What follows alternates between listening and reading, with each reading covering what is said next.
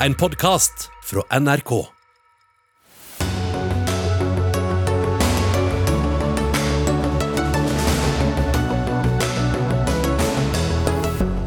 Regjeringen skroter den gylne regel som skulle prioritere psykisk helsevern. Nå frykter psykologer dårligere tilbud, men Arbeiderpartiet lover bedring. Hør historien om Afghanistan, lokker Forsvaret, som har laget sin egen podkastserie om den norske krigsinnsatsen der. Propaganda, kritiserer en journalist.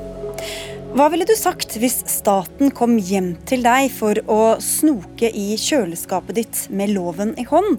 Forslaget kan bli tilfelle, men en jusprofessor mener det kan stride mot Grunnloven. Og i Oslo kommune skal det nå bli standard å bytte ut biff med nøttestek. Intolerant politikk, raser Frp. Vel møtt til Dagsnytt 18, som også minnes Nils Arne Eggen. I studio i dag, Sigrid Solund.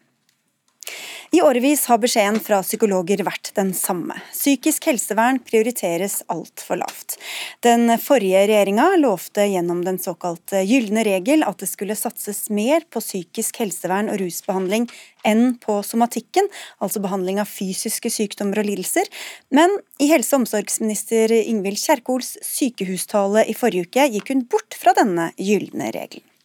Og nå er dere mange som slår alarm gjennom et uh, debattinnlegg i Dagsavisen. Du er en av dem, Hanne Indre, Indre Lind, psykolog og konserntillitsvalgt for Akademikerne i Helse Sør-Øst. Hva er det dere frykter kan skje nå? Det vi frykter kan skje, er jo at uh, helseforetakene fortsetter å nedprioritere psykisk helsevern, og at man uh, på den måten får et dårligere tilbud til de som har en psykisk lidelse. Eh, det har jo i tiår egentlig vært en politisk intensjon om å prioritere psykisk helsevern, men så har det vist seg vanskelig å få til eh, i praksis. Og Hvordan vil du beskrive situasjonen for pasienter i psykisk helsevern nå, som er et veldig stort spørsmål, men sånn jevnt over? Eh, det er en del som får god hjelp i psykisk helsevern. Samtidig så ser vi at de faglige vilkårene for å gi god hjelp ikke er gode nok. Eh, medlemsundersøkelsen til Psykologforeninga viser bl.a. at eh, psykologer melder om at én av ti avsluttes før de er ferdigbehandla, og at én eh, av fem får for sjeldent behandling. Altså man må spre behandlingstimene utover for mye tid, sånn at det ikke blir Man kan ikke si at det er reell evidensbasert behandling. Cecilie Myrseth, du er nestleder i Stortingets helse- og omsorgskomité og sitter der for Arbeiderpartiet. Hvorfor går dere bort fra denne regelen nå? Nei, Det var jo en eh, regel som, eh, som høyreregjeringa eh, innførte, som jo skulle måle altså psykisk helse opp mot det somatiske helsetilbudet. Og som sa at man skulle, psykisk helse skulle, skulle øke mer enn det somatiske. Og den har vist seg å ikke fungere. Det er jo også fagfolkene rimelig enig om at den ikke har gjort. Derfor går vi bort fra den og innfører i stedet for et sånn aktivitetsmål, hvor, hvor hensikten er at man skal skal øke aktiviteten. Men så må jeg si at jeg skjønner den bekymringa som kommer fra, fra psykologene. Eh, fordi at eh, psykisk helse har vært underprioritert veldig, veldig lenge. Og som sagt, denne gylne regelen, de åtte årene den har vært under den blå regjeringa, den ble jo ikke oppfylt et eneste av de åtte årene. Så det trengs et kraftig løft, og det har vi tenkt også å levere på, også med penger og midler og økt aktivitet. Vi kommer litt tilbake til, vi har med en representant fra Høyre som skal slippe til snart, men Indre Garlin, hva er poenget med å holde fast ved en regel som jo ikke er blitt fulgt opp? Um, regelen fungerte ikke etter intensjonen, det er, vi, det vi enig i. Men vi tenker likevel, eller mener, at det hadde sett enda dårligere ut for psykisk helsevern uten en gylne regel. Uh, så vi forstår uh, at man ønsker å endre eller fjerne den regelen fordi den ikke har fungert etter intensjonen, men det vi reagerer på, er at man fjerner den uten å innføre noe annen slags form for politisk styring. Det har vist seg veldig vanskelig å prioritere psykisk helsevern i praksis, selv om det har vært et fellespolitisk prosjekt over veldig mange år. Ehm, og når det har vist seg så vanskelig, så trenger man politisk styring og virkemidler for å få det til, noe som også Riksrevisjonen pekte på i sin rapport om psykisk helse i fjor. Ja, for Hva er det dere erstatter det med av faktiske mål eh, her, Myrseth? Et aktivitetsvekstmål ja. eh, i stedet for. Så det, det må jeg skjønne at det kan høres sånn forvirrende ut med to sånne regler, men det aller viktigste, uavhengig av hva en sånn regel heter, det er jo at det er en regel som er etterprøvbar, eh, og som eh, oppfylles med, med politikk. Eh, med midler, med penger, med satsinger. Og det er jo det denne regjeringa har som mål om å gjøre.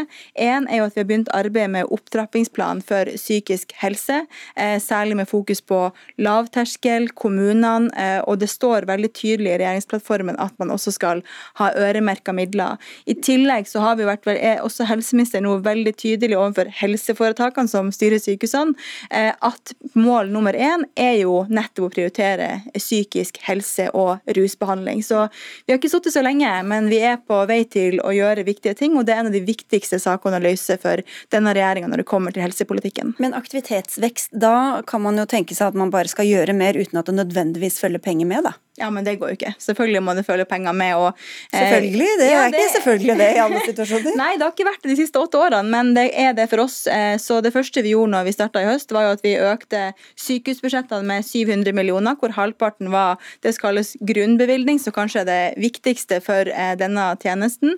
At det ikke bare går på sånn inntektsstyrt finansiering, som jo er en ordning som vi vet at helsepsykologene er veldig glad i. Det har vi tenkt å fortsette med. Vi har satt ned helsepersonellkommisjonen, som skal se på på hvordan man sikrer eh, mer og nok helsepersonell. Eh, så jeg tenker at, og I tillegg, i den samme talen som det snakkes om, da, hvor, hvor Kjerkol kom med denne, denne, beskjeden, så har man også innført en sånn alle som får eh, bli henvist til psykisk helsehjelp, skal også få en vurderingssamtale. Men selvsagt må det økte midler til og prioriteringer, og psykologene trenger flere kollegaer, og det er det andre grupper også i helsevesenet som gjør, skal vi kunne oppfylle disse målene. Så det er okay. vårt helt tydelig tydelig tror Vi er veldig enige om hva som, hva som trengs, men eh, vi har jo hørt dette før veldig lenge, at her må vi prioritere. Så for deg er det ikke så selvfølgelig at de pengene faktisk kommer til å komme? Det er ikke så selvfølgelig, og den gylne regel hadde jo tre bein, hvor ett av de var aktivitetsvekst. Og i mange mm. år så var det det man prioriterte i foretakene, og det var det man snakka om, at vi, vi, skal oppfylle på aktivitetsvekst, vi skal oppfylle på ventetider, men så fulgte ikke kostnadene med. Da sitter man igjen med en, med en ren effektiviseringsregel som fører til eh, at hver behandler eh, må jobbe fortere og ha flere pasienter på lista, noe som gjør at man eh, må skrive folk ut før de er ferdigbehandla og gi dem eh, mindre behandling. Da. Det blir litt skal... som å, å, å, gi en halv antibiotikakur. Da. Vi skal få inn eh, deg også, Tone Wilhelmsen Trøen. Du leder Stortingets helse- og omsorgskomité og representerer Høyre. Og syns det er veldig synd, så vidt jeg har forstått, at denne regelen forsvinner. Men hva skal vi da igjen med å klamre oss til en regel som ikke blir fulgt opp et eneste år? Nei, For det første så er jeg ikke enig i det. Eh, den gylne regel har eh, fungert. Eh, den har fungert bedre for rus enn psykisk helse, og det syns jeg det er greit at vi erkjenner. Men, men den har si ikke fungert etter, etter mål. Altså, man kan si at det har ført til økning, men ikke at, har økt, at dette har økt mer enn somatikken. Vi har også hatt kortere ventetider både for psykisk helse og rus. Dette har sikret at somatikken ikke har spist opp for mye av ressursene fra psykisk helse og rus. Og den gylne regel har medført at, eh, at, man de siste årene etter 2016 har styrket spesialisthelsetjenesten med to milliarder. Vår, vår regjerings veldig tydelige ambisjon, også ikke bare i ord, men i handling og eh, midler, har jo vært å styrke rus, eh, rus og psykisk helsefeltet. Eh, og det mener jeg at vi har gjort. Vi har gode resultater å vise til. Og det viktigste resultatet er jo at ventetidene går ned for pasientene, og at ikke somatikken vokser mye mer enn rus og psykisk helse. Og på rus har vi altså oppfylt dette løftet. Men samtidig så har dere også vist til andre resultater som Riksrevisjonen har eh, avdekket, nemlig alvorlige mangler i tilbudet og manglende økonomiske prioriteringer. Hva sier det om satsingen på dette feltet?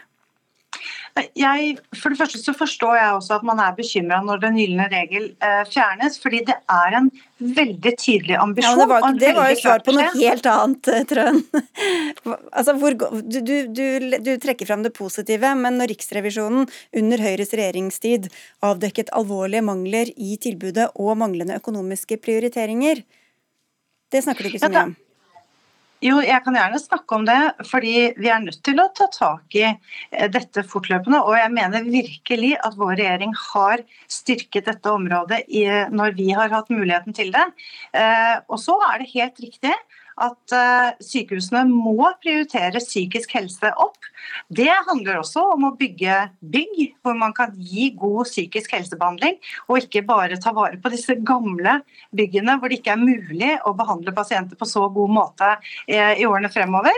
Eh, og så mener jeg også at Regjeringen, når de sier at de skal prioritere rus og psykisk helse, ja, så må de vise det også i handling. Det å ha en regel som sier at veksten skal være høyere hvert år i rus og psykisk helse enn i somatikken, er en veldig tydelig regel. Derfor mener jeg faktisk at det er grunn til bekymring eh, når Arbeiderpartiet fjerner dette og sier at de skal ha mål på aktivitetsvekst, men det er ikke det samme som å si at man faktisk prioriterer dette fremfor vekst i somatikk. Michette. Nei, men altså, Vi har sittet i noen måneder og har hovedsakelig handla om å håndtere en pandemi, men vi har allerede vist at vi har en ny retning når det kommer til psykisk helse. Og jeg tenker Vi kan snakke oss eh, grønn her om, eh, om hva regelen skal hete, eller hvilken regel vi har, men det aller viktigste er jo at vi viser en tydelig satsing. Det har vi vist med penger til nå, eh, og vi skal fortsette å gjøre det. Og vi er jo veldig tydelige på at når vi kommer med denne type forventninger og ønsker for tjenesten, så må det selvfølgelig følge penger med. Eh, og man må på en måte være tydelig på hva de pengene skal brukes til. Så jeg tenker at den mistilliten vi hører nå, Riksrevisjonen har vært veldig tydelig i sin kritikk, det er jo mot Tone Trøen sin tidligere regjering. Og den mistilliten, den mistilliten som vi hører nå, det er jo etter åtte år. Så jeg tenker jo, vi, må var, få, vi, må i hvert fall få Det var vel ikke full jubel med seere sånn, uten at vi skal Nei. gå enda lenger tilbake enn åtte år heller. Men eh, eh, få høre med deg, Linn. Altså når dere da internt i helse, for det er jo helseforetakene som faktisk foretar den faktiske prioriteringen her.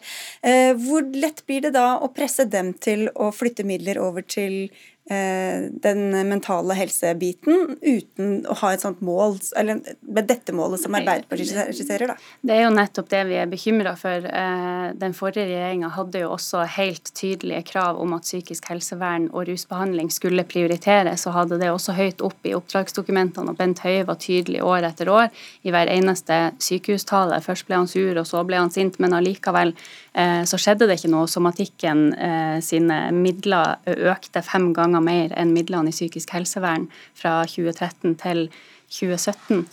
Ehm, sånn at vi mener at det er behov for tydelig politisk styring, og en opptrappingsplan med øremerka midler kan være det, men samtidig så er vi veldig bekymra for situasjonen i tjenesten nå. Ehm, den har vært på strekk og hatt for lav kapasitet eh, veldig lenge. Eh, og dette har forverra seg eh, etter pandemien.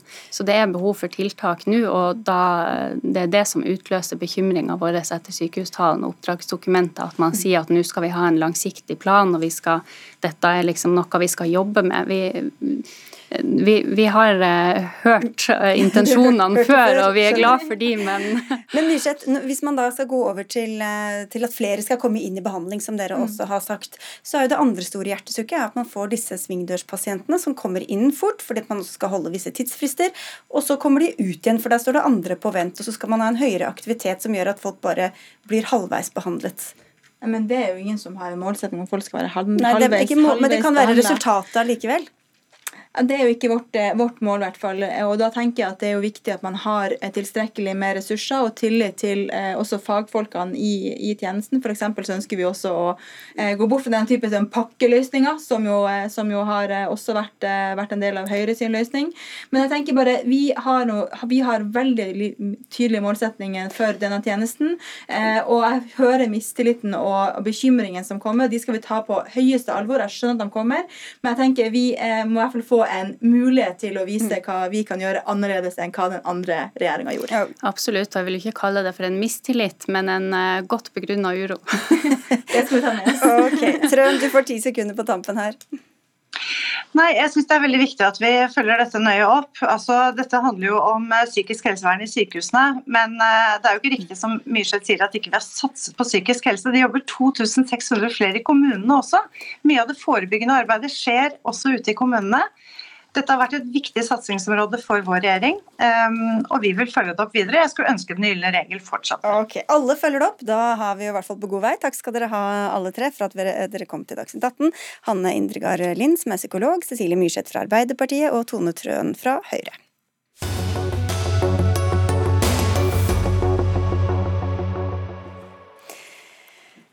Fotball-Norge sørger over at trenerlegenden Nils Arne Eggen døde i natt 80 år gammel. Han var Rosenborgs store fotballideolog, og vil først og fremst bli husket som tidenes klubbtrener i norsk fotball. Eggen førte RBK til 14 seriemesterskap, seks norgesmesterskap og flere store sesonger med laget i Europa på 1990-tallet. Han sa selv at eh, 'jeg har betydd litt for Rosenborg, men Rosenborg har betydd mye mer for meg'. Ola By Riise, kultur- og idrettsdirektør i Trondheim. Du kjente Nils Arne Eggen i over 45 år, først som spiller og så seinere som hans assistenttrener i Rosenborg. Hva husker du først fra dine møter med Nils Arne Eggen? Nei, Det jeg husker best på nå, det er jo alle de gode kaffekoppene imellom alle de store slagene. Og så husker jeg den fantastiske reisa fra klubben rykka ned da jeg var 16 og kom inn første gangen i 1977. Og frem til Nils Arne reiste klubben igjen, kom oss opp i toppserien. Vant den, og omsider kom oss ut i Europa og hadde kjempesuksess der. Så resultater og utviklinga og personligheten. Du møtte han altså da du var ung, og hvilken betydning hadde det for deg at han skal vi si, tok deg under sine beskyttende vinger? Jeg vet ikke om de vingene var så beskyttende til å begynne med. Vi fikk nok kjørt oss litt i starten, men Nils Arne var en sånn ledertype som eh, hele tida ga deg masse kjærlighet, sånn at han også kunne gi deg kjeft etterpå, og du visste at han hadde trua på deg. Så han, eh, han brydde seg om spillerne dem han skulle lede, og når det var noen eh, kanskje noen kjeftekuler ut på treningsfeltet innimellom som alle så, så visste du at han gjorde dette her i beste mening for at det skulle bli bra. Og så har jeg levd hele veien med den utviklinga fra en kanskje enda mer snarsynt Nils Arne i startfasen, til etter hvert den modne og internasjonalt dyktige treneren som leda Rosenborg ut i Europa år etter år etter år. Jan Ivar Mini Jacobsen, du har også spilt eh, lenge på Rosenborg med 65 landskamper. Hva var det som gjorde Eggen så spesiell for deg?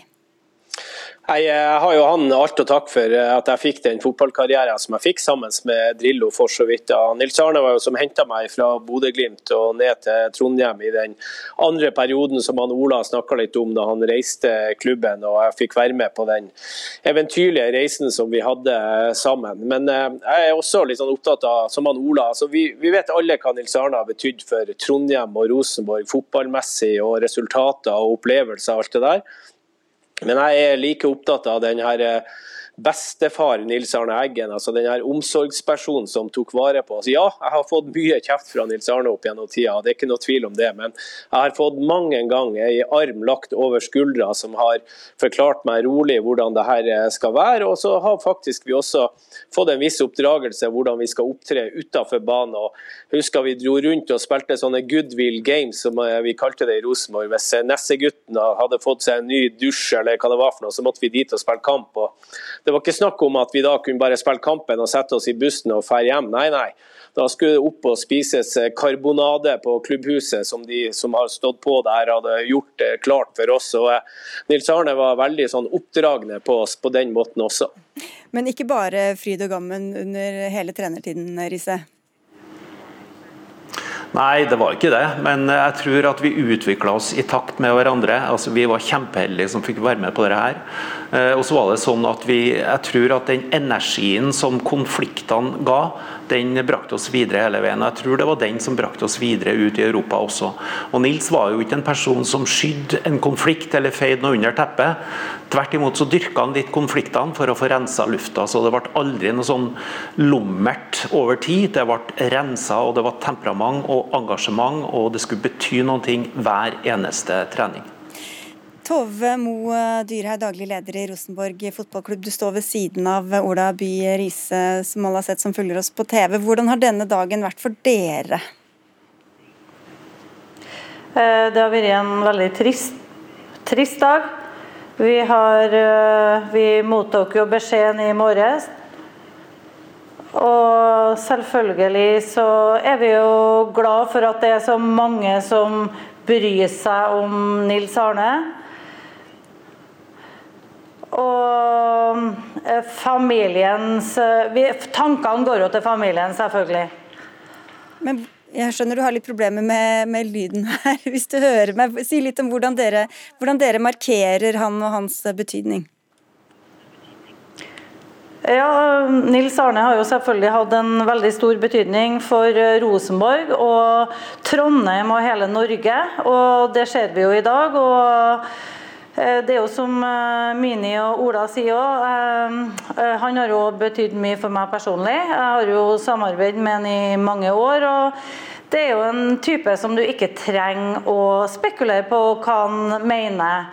Men er veldig omsorgsfull, bryr seg, og ikke minst bryr seg veldig mye om klubben. Og jeg hadde en god samtale med han for litt over en uke siden, og da hadde han òg veldig mye gode innspill for eh, sesongen som kommer i 2022. Så det du kjemper òg med Nils Arne, er engasjementet og livsgnissen. Jeg er imponert over når jeg vet hvor han har vært plaga de siste åra.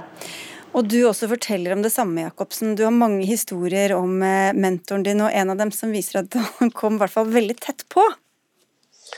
Ja, altså, Historiene er jo mange om Nils Arne, det er ikke noe tvil. Men kanskje en av dem jeg husker best, er jo fra jeg slutta å spille fotball og, var fotballekspert i TV 2 og skulle ha en sending i, eh, i, Trondheim. og Nils Arne skulle være gjest til oss, eh, men han var 20 minutter til sending og han var ikke der. Så jeg tok og ringte på han. og og han var liksom Ja, hei Mini, hvor det går? Og jeg sier ja, skulle ikke du være sammen med oss? Nei, det hadde han ikke hørt. Men jeg hiver meg rundt og kommer. Og på med dressen og kom ned til byen, var med i sendinga og var liksom helt klar. og så var sendinga over, og jeg skulle da fære og møte kona mi Anita på Solsiden, for jeg hadde vært borte i 14 dager på jobb, og jeg skulle møte henne. Og så sier Nils Arne ja, kanskje jeg kan hive meg med og gå bortover på Solsiden. Jeg, jeg har jo tatt på meg dressen, sier han. Så sier jeg ja, ja, det er bare hyggelig det, Nils. Og Vi går bortover og vi setter oss og tar et glass, og jeg og Anita sier at nå skal vi bort og spise her borte, så du får nå ha en fin kveld. Ja, ja, ha det bra. Og Vi går på restauranten, og det går ti minutter, og så ser vi hver døra går opp, og så Nei, er det her dere sitter, ja?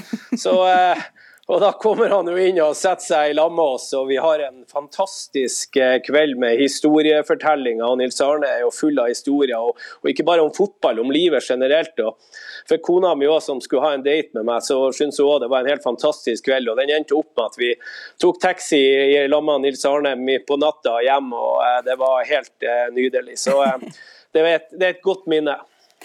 Men Riise, alt dette engasjementet og opp og ned og glede og sinne om hverandre, hvordan preget det også fotballfilosofien hans? Nei, Det prega intensiteten og konkurranseevnen ut på treningsfeltet. Det skapte en treningskultur som alltid var 110% Men så var det samtidig alle de perspektivene som Nils Arne hadde om livet, om jeg delte jo den filologiske interessen for språk, for litteratur, for historie. Så han hadde så mange dimensjoner, så mange fasetter. Så han brydde seg om alt. Han var nysgjerrig, men han klarte samtidig å skape en kultur på banen som ble sterkere og sterkere og etter hvert slo gjennom i Europa. Da hadde jo VG i året før vi slo gjennom i Champions League, hadde jo de skrevet 'ta fra denne mannen passet'. Eh, bra i Norge, men holder ikke mål i Europa. Så det har vært noen eh, steg å ta for Nils òg, men han hadde den driven og energien og trua på at det en eh, planla det skulle lykkes, og det smitta over på oss som var spillere. og Det var fantastisk å jobbe med han i team også som eh, trener. Han hadde jo ikke noen formell rolle de siste årene i Rosenborg, men Tove Mo Dyrhaug, etter at du ble daglig leder for ti år siden, så hadde dere fortsatt kontakt. Hvordan opplevde du den perioden? Ja, vi hadde jo kontakt med Nils Arne helt uh, fram til det siste. Og han har jo vært inn på, på både små og litt eh, større prosjekt. Han uh, var jo tilbake som trener igjen i, i 2010, men uh, han var alltid en som brydde seg om Rosenborg. Han ville alltid Rosenborg det beste, og han sa meningene sine. Og han var veldig støttende. Veldig støttende når det går litt dårlig. Og så er han heller litt tøffere når det går eh, bra.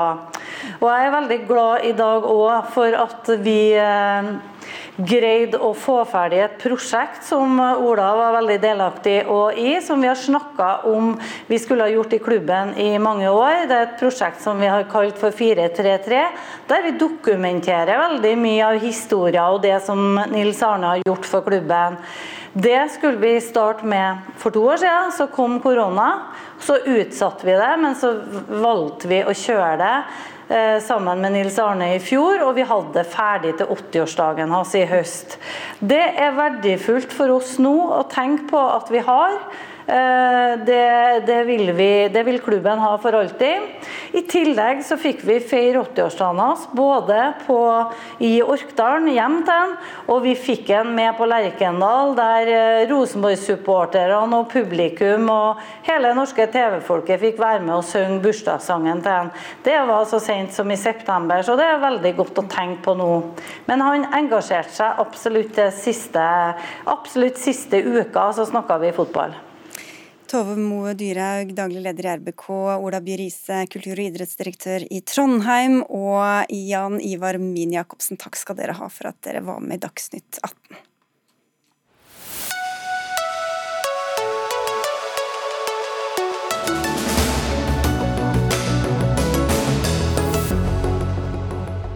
Hva har norske soldater gjort gjennom 20 år i Afghanistan, før USA og dermed Norge trakk seg ut i fjor høst og Taliban tok over makta igjen? Det forteller flere av soldatene om i en podkastserie fra Forsvaret. Historien om Afghanistan heter den, Propaganda kalte du det da du ble bedt om å beskrive den under en debatt på konferansen Medietrender 2022. Anders Sømmehammer, du er journalist og forfatter og dokumentarfilmskaper og har dekket Afghanistan gjennom mange år. Hvordan er denne podkasten propaganda? Podkasten heter 'Historien om Afghanistan'.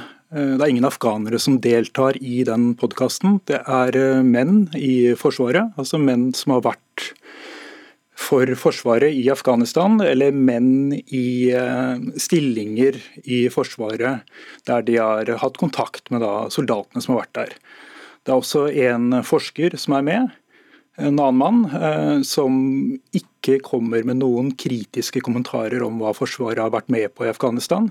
Det er ingen kvinner som er intervjua i podkasten. Podkasten ble publisert bare noen uker etter at Taliban tok over i Afghanistan. Eh, det er en totalt ukritisk gjennomgang av norske forsvarets egen framstilling av de siste 20 årene der. Veldig rart tidspunkt å komme med den podkasten. Eh, seks episoder, tre timer, menn som er eh, fornøyd med egeninnsatsen. Når man da har et land som står på randen av kollaps. Det er en alvorlig humanitær krise i Afghanistan denne vinteren her eh, risikerer en million afghanske barn å sulte i hjel, ifølge FN. Det er en veldig kritisk menneskerettighetssituasjon. Eh, det er store spørsmål rundt spesielt knytta til kvinnenes stilling, hva kvinner kommer til å få lov til å gjøre i Afghanistan. De har fått eh, beskjed av Taliban om å holde seg hjemme. Ikke noe av det her får du høre om i historien om Afghanistan. Det er en ukritisk gjennomgang av Forsvaret sånn de vil huske historien. og Da mener jeg det er et problem at Forsvaret kupper fortellingen om Afghanistan på et tidspunkt som er ekstremt kritisk, da vi burde hatt en kritisk debatt om hva Norge har vært med på i Afghanistan.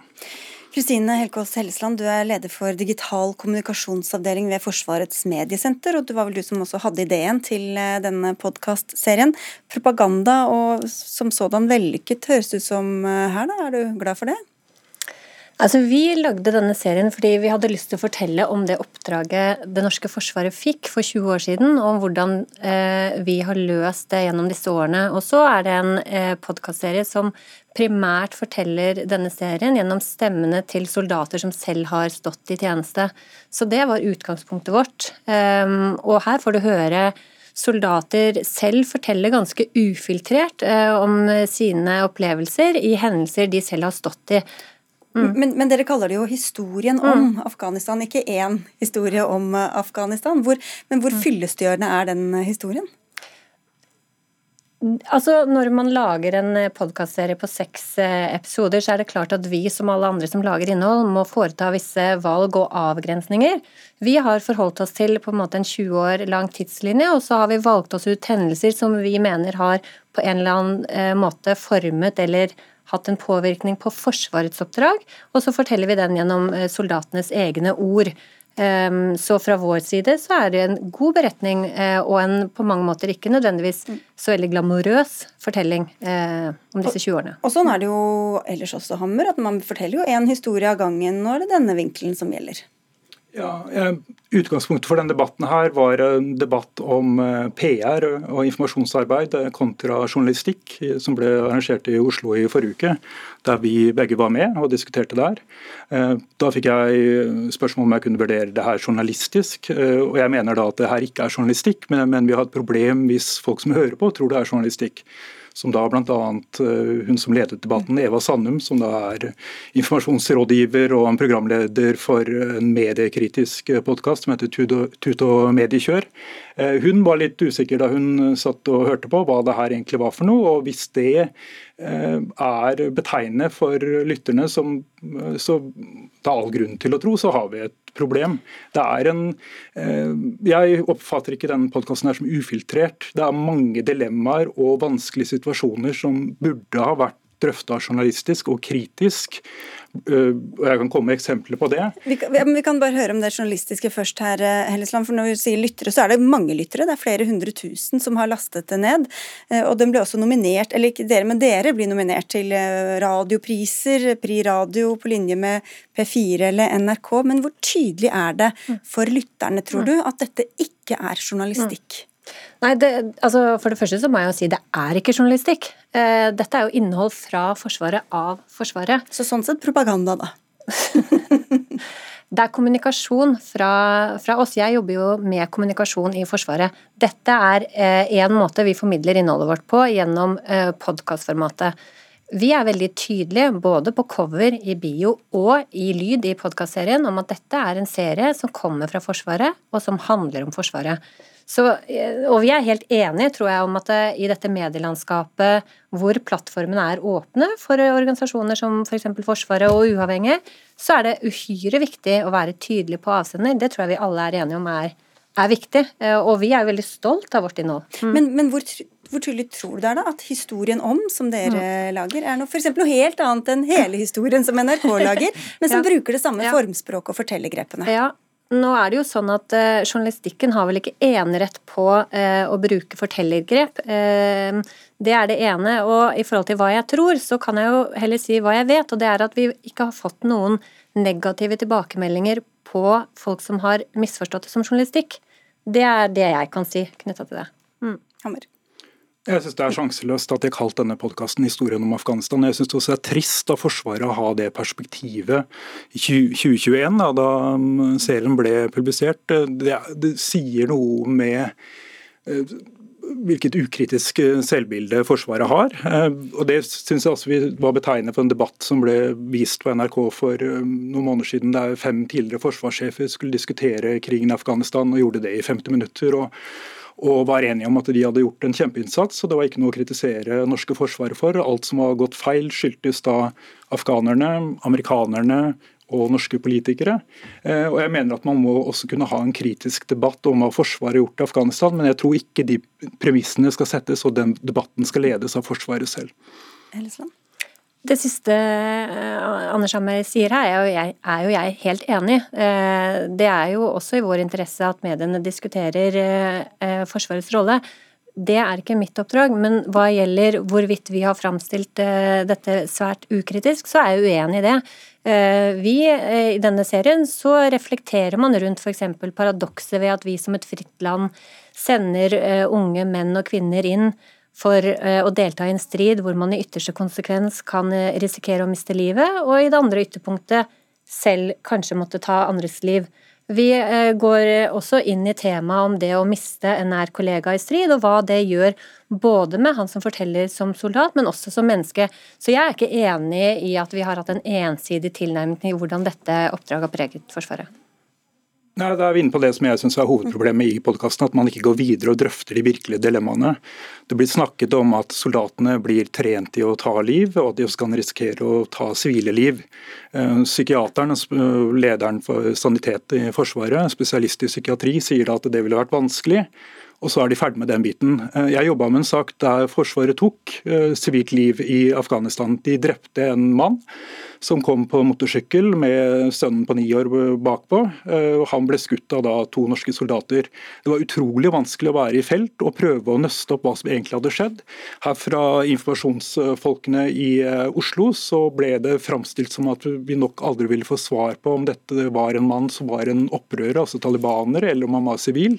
Eh, det var ikke så veldig vanskelig å få, få avkrefta at han var, ikke var um, talibaner i felt, men det fikk vi ikke noe drahjelp fra Forsvaret, for de prøvde å fordekke det. Det var guvernøren i Faryab som fortalte at det var en sivil mann, og det var også han som da sørga for at familien også fikk erstatning Eh, fra norske myndigheter, nettopp fordi det ble bevist at mannen var sivil, og at han ikke hadde stoppa, antagelig på håndsignalet og andre signaler gitt av soldatene. Ok, Vi må gi oss men bare til dette, egentlig, egentlig, Hellesland. Er det da et problem hvis dere får tak i kilder som pressen ikke får tak i? Og som, hvor, hvor de kritiske spørsmålene ikke nødvendigvis blir stilt, men en annen versjon får komme fram? Uh, Hva er det du spør om? om? Hvis det er vanskelig for andre å få tilgang til kilder mm. og til informasjon, mm. men i deres skal vi si, trygge mm. uh, setting, så mm. kan de snakke. Uh, nei, altså det jeg kan si til det Jeg kjenner ikke til eh, situasjonen Anders Hammer her uh, forteller om. Nei, mener jeg generelt, da. Ja. Mm. Nei, generelt så vil jeg jo si at vår jobb er i så stor grad som overhodet mulig å forsøke å fortelle hva norske soldater gjør i inn- og utland. Uh, og det er vårt oppdrag, tenker jeg. Mm. Og det var det vi rakk. Siden du nevnte denne forskeren, så kan jeg si at jeg snakket med han, det var Christian Berg Harpviken ved Prio, og han sier at han ikke føler seg brukt eller forvrengt på noe vis, men at podkastserien helt klart er preget av at Forsvaret ønsker å få fram sin versjon av krigen, og at mange sider av saken derfor er, eller dermed er utelatt. Så sier vi tusen takk til dere for at dere tok debatten her.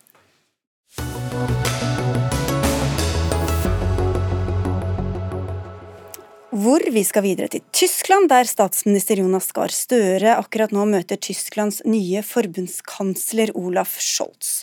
Det er deres første møte etter at sosialdemokraten Scholz tok over stafettpinnen etter kristendemokraten Angela Merkel. Og Roger Severin Bruland, korrespondent i NRK, med fra Tyskland, hva står på programmet når de to snakker sammen?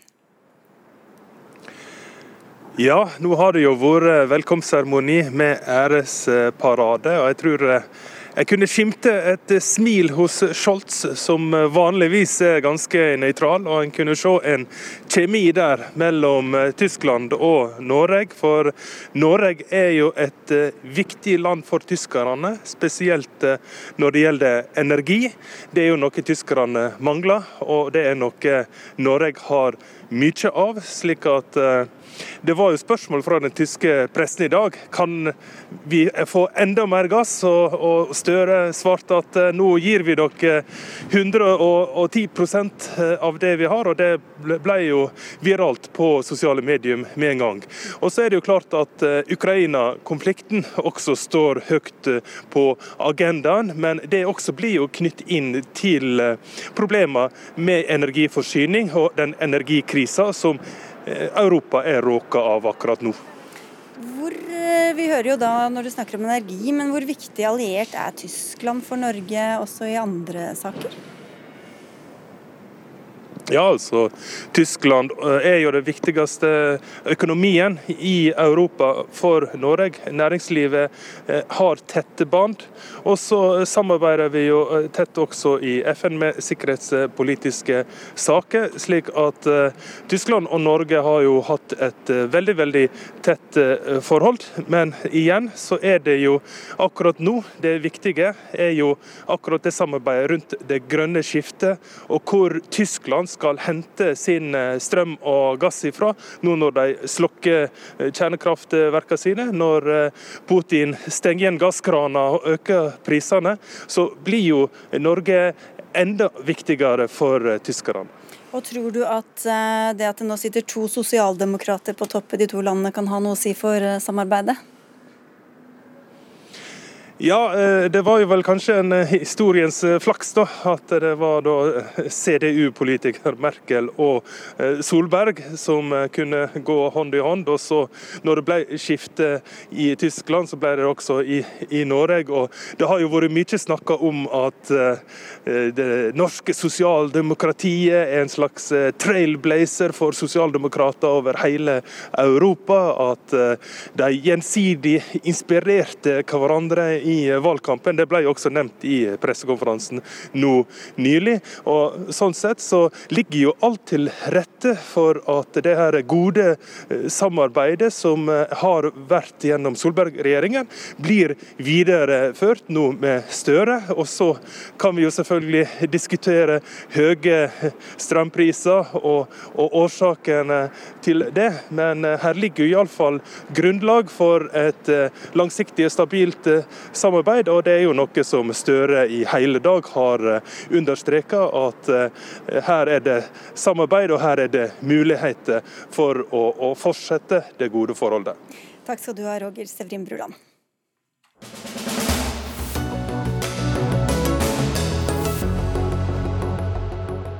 Hva ville du sagt om noen fra staten ringte på døra og med loven i hånd krevde å få ransake kjøleskapet ditt? Dette kan du risikere hvis et høringsforslag fra Helse- og omsorgsdepartementet går gjennom. Her foreslås endringer i matloven, som vil gi inspektører fra Mattilsynet hjemmel til å gjøre nettopp dette ved mistanke om alvorlig smitte fra maten. Og I en kronikk i Dagbladet har du omtalt dette som oppsiktsvekkende. Til Aftenposten i dag sier du at det er dramatisk og inngripende, Hans Petter Graver. Du er professor ved juridisk fakultet ved Universitetet i Oslo. Men fortell først, hva er det dette forslaget egentlig åpner for? Nei, Det åpner jo for akkurat det du sa, at hvis det er mistanke om at det er uh, giftstoffer uh, i uh, matvarer, f.eks. at det er et parti som er kommet inn til Norge fra import som de har mistanke om, eller eh, at det har noe, et parti med fisk eller noe sånt. Ja, Som, som er for høye verdier av et eller annet, eller noe sånt? Nå, ja, for høye verdier eller, eller uh, sykdom. altså Det kan jo være salmonella eller sikkert mer alvorlige sykdommer også. Uh, så vil Mattilsynet kunne få anledning til å gå inn i private hjem Eh, og ta prøver av maten hos eh, privatpersoner. Selv om jeg sier nei, jeg vil ikke at noen skal snoke i leverposteien? Ja, og selv om de ikke er hjemme. Altså de kan komme eh, uanmeldt. Og de kan komme selv om du sier nei, uten at de da må ha noen noe vedtak som du kan klage på eller noe sånt. Eh, nå vil jeg jo tro at de fleste vil ikke si nei, hvis du får beskjed om at du kanskje har noe veldig farlig i kjøleskapet. Så vil vel de fleste si ja, vær så god, kom og ta det. Men, men, prinsippet er jo viktig, da. Og vi skulle jo gjerne hatt en debatt om dette prinsippet i dag. Vi trodde i hvert fall. Vi hadde en avtale med en statssekretær, men eh, under to timer før vår sending gikk på lufta, fikk vi ny beskjed om at ingen kunne komme uten at det ble gitt noen nærmere begrunnelse. Men statssekretær eh, Ole Henrik Kratt Bjørkholt har sagt i Aftenposten at en hjemmel om å ta seg inn i private hjem kun brukes i svært sjeldne tilfeller. Så Graver, hvor stort problem kan det egentlig bli? Altså, det er et stort uh, prinsipielt spørsmål, dette med om offentlige myndigheter, om staten skal kunne uanmeldt gå inn i private hjem og, og mot, uh, altså uten samtykke. Uh, vi har jo en bestemmelse i Grunnloven som har stått der siden 1814, som sier at husransakelser ikke skal finne sted utenom i kriminelle tilfeller. Men så har vi jo selvfølgelig en del lover som gir en slik adgang, kanskje særlig innenfor hvor det er snakk om farlige anlegg, altså brann, elektrisitet og sånne ting. Men det må altså være spesielle grunner. Og det jeg egentlig etterlyser, det er en, en prinsipiell debattutredning. For dette forslaget var veldig bortgjemt blant veldig mye annet. Eh, og det var ingen diskusjon om de prinsipielle sidene. Så det kan jo godt være at det er en god idé, men mitt poeng er at vi må ha en diskusjon om det. Ja, Den får du ikke her nå, i hvert fall.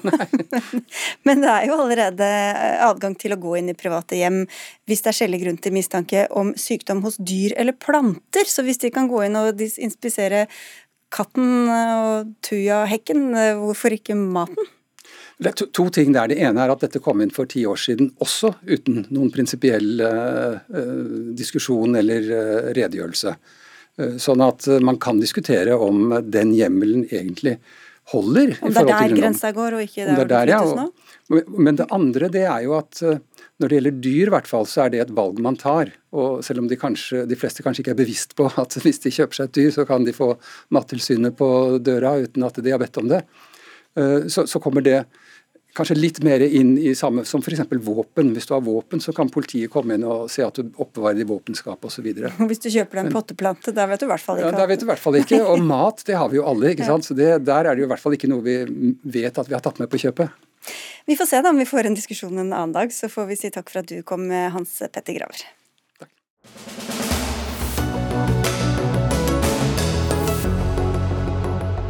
Du har kanskje fått en tekstmelding i dag med oppfordring om å laste ned Smittestopp-appen. Flere enn én million nordmenn har jo gjort det fra før, men bare litt under 3% av dem som er blitt smittet med covid-19, melder fra i appen. Nå er håpet at flere skal bruke den aktivt, slik at enda flere får beskjed hvis de har vært i kontakt med noen som har testet positivt for korona. Gunn Pegge Knutsen, assisterende direktør i Folkehelseinstituttet. Hvor mange har fått eller kan eventuelt se fram til en SMS fra dere? Ja, Nå sender vi SMS til eh, alle over 16 år, så det er rundt 4 millioner SMS-er vi sender ut i neste fra i dag og til og med fredag. Og så er det allerede en drøy million som har lastet ned appen. Det er det. Men hvor mange er det som bruker den? Så da kommer jeg frem, var det tall på under 3% ja, Det litt, kommer litt an på hva du um, snakker om. Altså, som legger inn? Ja. De som melder, eh, det har, det har ligget på rundt 200-300 hvert døgn som har meldt smitte gjennom Smittestopp den siste uka, eller de siste par ukene. Og så fikk jeg akkurat nå, jeg, før jeg gikk inn, så fikk jeg melding om at nå kommer vi over 1000 det siste døgnet. Så det øker. Eh, det gjør det. Så spørs det hvor enkelt det er å faktisk melde fra. Vi har med oss deg, Tyra Theodora Tronstad. Du er med hjemmefra etter at du fikk testet positivt for korona og nå sitter i isolasjon. Hvordan gikk det for deg da du skulle laste opp eh, dine positive resultater på Smittestopp-appen? Ja, nei, det, det, har jo ikke gått så bra. Jeg strever jo fortsatt med det. Jeg testa jo positivt på en hjemmetest på fredag, og da visste jeg jo allerede at jeg var sjuk, så det var liksom ikke noe av Eller jeg kjente jo at jeg var sjuk, så jeg lurte jo ikke på. Det var jo riktig. Men så går det jo da et døgn fra da til jeg får eh, time på teststasjonen, så da ble det lørdag. Og så fra lørdag så gikk det jo da to døgn før jeg hadde svar på PCR-testen som jeg er nødt til å ha for å kunne oppdatere smitte, eh, smittestopp. For den aksepterer jo bare resultatet fra PCR-testen. Så da tenkte jeg ok, nå da får jeg i hvert fall gitt beskjed til folk jeg var sammen med i forrige uke som jeg ikke vet hvem er. som jeg liksom, Det er jo hele poenget med smittestopp. Um, men eh, det har ikke latt seg gjøre, fordi da får jeg bare melding jeg har siste versjon og alt er helt greit, men jeg får bare melding om at det kan ta tid før resultatet er oppdatert, så vennligst forsøk igjen senere. Så nå er jeg vel på femte dagen, og jeg har fortsatt ikke klart å få laste opp uh, mitt, uh, mitt positive testsvar, og det syns jeg egentlig er veldig synd. Jeg hadde jo håpa at det var sånn det skulle fungere, og at de som jeg var sammen med i forrige uke, og som jeg ikke vet hvem er, skulle få beskjed på den måten, men det har de da ikke fått. Det er sikkert ikke alle som er like samvittighetsfulle som uh, Tronstad uh, Knutsen, men hvis det er sånn det fungerer, er det kanskje ikke så veldig rart at det bare har vært et par hundre um, i døgnet? Nei, det, det, kan man godt si. Og så er det veldig viktig at vi får beskjed om dette. Så det er veldig fint at man sier ifra. Eh, for vi har de tallene vi har i forhold til å, å følge med på, og så, og så, har vi ingen andre signaler. Vi sjekker jo at ting fungerer fra vårt eh, ståsted. Men vi har fått enkelte henvendelser eh, den siste tiden som, som gjør at vi nå går litt grundigere inn i å se på akkurat dette fenomenet. For jeg er helt enig at dette er veldig synd. Eh, og hvis, man, hvis, mange opplever dette, så er det veldig veldig synd. Men det har ikke dere noe oversikt over? Vi har ikke fått veldig mange. Vi har fått uh, under fem måte, tilfeller. Det kan jo være at ikke alle gidder å liksom, holde på å styre og si fra heller, da. Men, men Tronstad, du sier at det ikke bare er det tekniske du irriterer deg over heller? Nei, altså jeg, jeg, tror jo kanskje at jeg burde jo kunne ha oppdatert test, Jeg burde jo kunne oppdatert Smittestopp på mandag, men jeg syns jo allerede det er jo en systemfeil fordi det tar så lang tid. Altså det er kjempelenge fra fredag til mandag med omikron. Sånn at, og det er jo ikke en systemfeil, det er fordi det må gå gjennom denne PCR-testen. Men jeg hadde jo denne informasjonen jeg på fredag. Jeg visste jo det. Men allikevel så må det altså gå tre dager. Og det er det jeg syns kanskje er Da er jeg liksom usikker på hvor stor verdi det har, da, og lurer på um, Altså hvor sakte er det greit at det går, liksom? For at dette skal kalles et effektivt hjelpemiddel mot spredning av eh, omikron? Nei, igjen så har du helt rett. Vi skulle, vi skulle jo ideelt sett ønske at det tok kortere tid. At man fikk eh, innenfor 24 timer eh, svar på PCR-testen. Men hvorfor må det kobles til PCR-testen? Hvorfor kan man ikke bare krysse av for et eller annet 'nå har jeg testet positivt'? Altså Rent teknisk så er det den, den løsningen vi har laget, den er basert på, på bekreftet positivt prøvesvar i, eh, som registreres i EMSIS, for å være veldig sikker på at eh, det er et bekreftet eh, positivt prøvesvar. Det har vært en diskusjon i starten når vi opprettet dette, og for så vidt en diskusjon som kommer opp igjen nå, i forhold til det med skulle man ha hatt et alternativ hvor man selv kunne registrere sin positive. Så det er absolutt ting vi vurderer. Men jeg lurer også på når man får beskjed fra appen om at man har vært i kontakt med noen, eller vært i nærheten av noen, så aner man ikke hvem det er, hvor det var, eller når det var. Hva er egentlig hensikten? Hvordan skal denne appen bidra til mindre spredning? Altså, det er veldig viktig det er, at det er sånn det er, fordi det skal være anonymt. Det er en grunnleggende ting i, i appen. Eh, og så er Det viktigste er at man får beskjed om at man har vært i nærheten, at man skal da være årvåken for symptomer og være, ha en lav terskel for å ta test. Ja, for Det er jo egentlig det, det man får beskjed om, det viktig informasjon. Så går man inn og så, hvis man har fått beskjed, da. Og der står det jo bare at du skal være oppmerksom på symptomer og teste seg hvis symptomene dukker opp. Men det skal man vel gjøre uansett? Det skal man, men eh, likevel så tenker vi at det kan være det er et veldig lite inngripende tiltak. Eh, å få et sånt et varsel, tenker vi. Sammenlignet med veldig mange andre tiltak, så er dette et eh, trygt og tiltak som fungerer, som er lite inngripende, og man får en påminnelse om at man har vært i en situasjon. Ok, Da får vi se hvor mange som laster ned, og hvor mange som ikke minst tar den i bruk. Og om du får meldte fra innen året er omme, Tyra Theodora Tronstad, takk skal du ha for at du var med hos oss, og takk til deg, Gunn Peggy Knutsen fra Folkehelseinstituttet.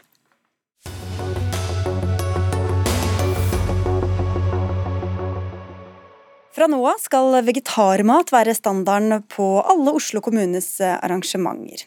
Det har det rød-grønne byrådet sendt ut et direktiv om. og Det betyr altså at biff blir byttet ut med blomkål og ribbe med nøttestek, enten det er Utdanningsetaten eller Munch-museet som holder middag eller seminar. Einar Wilhelmsen fra Miljøpartiet De Grønne, du er finansbyråd og også ansvarlig for matpolitikken i kommunen. Hvorfor gjør dere dette egentlig? Dette gjør vi fordi at eh, vi spiser for mye kjøtt. Eh, det fører til for store klimagassutslipp. og Derfor har vi sagt at vi skal redusere klimagassutslippene i Oslo kommune med Nei, unnskyld, vi skal redusere kjøttforbruket i kommunen med, med 50% Vi skal halvere det. Og En av de tingene vi gjør nå, er at vi snur litt om på ting på arrangementene våre. Så nå blir det sånn at når du kommer på arrangementer i Oslo kommune, så er eh, vegetarmat standarden. Så hvis ikke du ber om noe annet, så får du vegetarmat.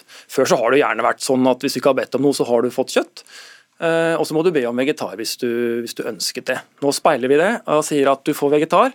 Har du veldig lyst på kjøtt, så kan du be om det, og da skal du få det. Og Det her gjør vi jo fordi at eh, vi må få ned klimagassutslippene. Det å spise mindre kjøtt er bra for naturen og godt for folkehelsen. Lars Petter Solås, byrådsmedlem i Oslo for Fremskrittspartiet. Altså mindre kjøtt er bra for klima, som vi hørte her, helsen, lommeboka, og likevel er dere skeptiske. Hvorfor det? Nei, altså dette handler jo om at uh, Miljøpartiet De Grønne har bestemt seg for at folk skal spise mindre kjøtt og fisk. Uh, det er en, ideologi, en, ideologisk sak for dem, uh, og så har argumentene for det kommet i etterkant. Noe som de leter etter. og Det å skyve miljø og klima foran seg, det, det, holder, hvorfor, det holder, rett og slett ikke vann. Hvorfor tror du ikke på dem når de sier hva som er grunnen? fordi det holder ikke vann. Når man ser på hva faktisk kjøtt og fisk har av klimagassutslipp, så, så er det ikke så stort gjort. Så det, jo, men, og, det, og, den klima, ja, klima, klimapolitikken Du sier at de har en ideologi, at de har en ideologi, og så finner de på en grunn etterpå. Er det, er det, gjelder det dere også, eller hvorfor, hvorfor, eh, hvordan vet du at det er sånn? Som det er poengtert uh, i byrådsplattformen også, så, så, slår de jo fast at de skal uh, kutte kjøttforbruket i Oslo kommune med 50% og, så, og Det er en, et, et, ideologisk standpunkt for MDG. Og, og, så har de da funnet på argumentene i etterkant. Og som sagt, Når de, når de da skyver miljø og klima foran seg, så, så, holder ikke det vann. Fordi norsk landbruk er allerede veldig gode på å kutte klimagassutslipp. Utslipp. Det har noe av de laveste utslippene blant eh, jordbruk i, i hele verden. Og, eh, også, og, god klimapolitikk gjøres også på nasjonalt plan. Eh, landbruket i Norge ja, men, har, har, har, allerede en, en, avtale med regjeringen der skal kutte over 5 millioner tonn CO2-ekvivalenter. Det er 10% av Norges totale utslipp. Klima, og da Symbolpolitikken i Oslo den gjør bare mer skade enn eh, noe annet. Eh, det er ikke så ofte vi blir beskyldt for å være akkurat det vi er, nemlig et parti som er eh, opptatt av miljø og klima. Vi kikka litt på hva slags klimagassutslipp kjøttforbruket vårt står for. Og det vi ser er at ved å halvere forbruket av kjøtt, med, eller altså kutte det med 50% så får vi ganske store reduksjoner i, klimagassutslipp. Ikke, ikke, i Oslo, men, men, globalt. Og Det er jo fordi at eh, kjøttproduksjon medfører store eh, klimagassutslipp. Eh, både pga. utslipp fra dyrene, men også pga.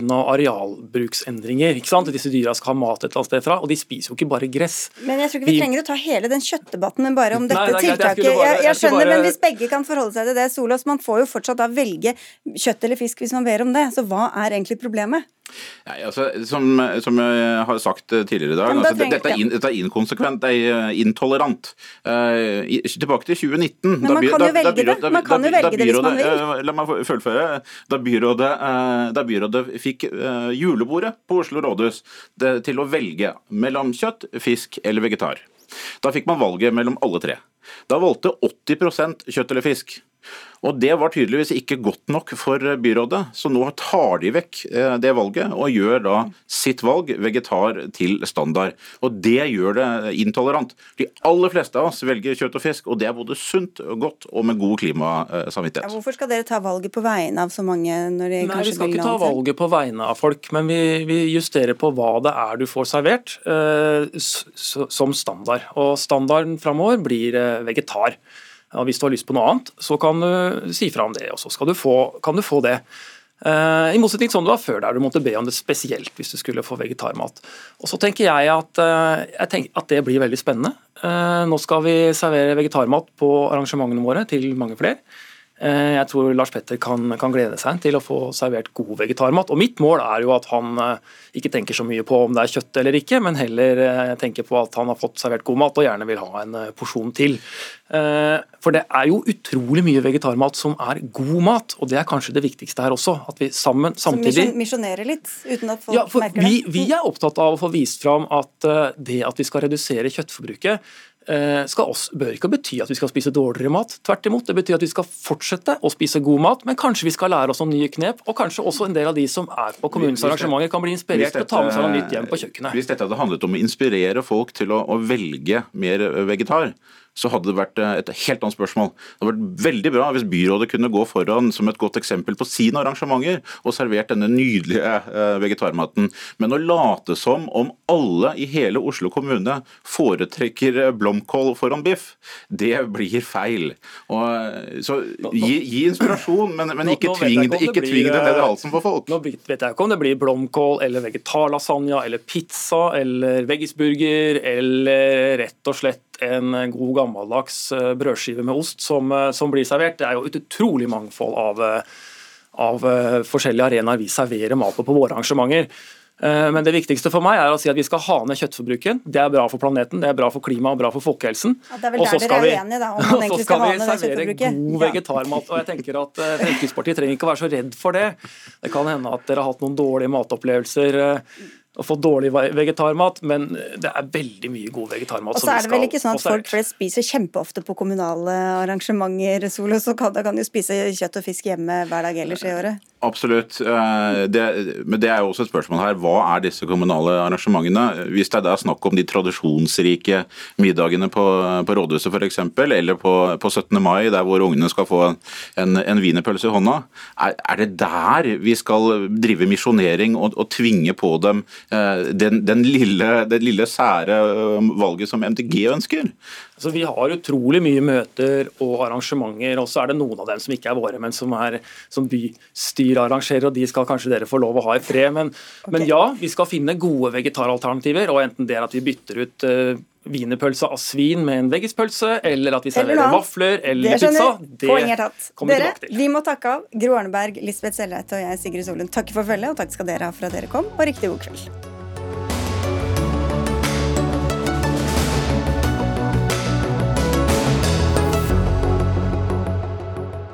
Du har hørt en podkast fra NRK.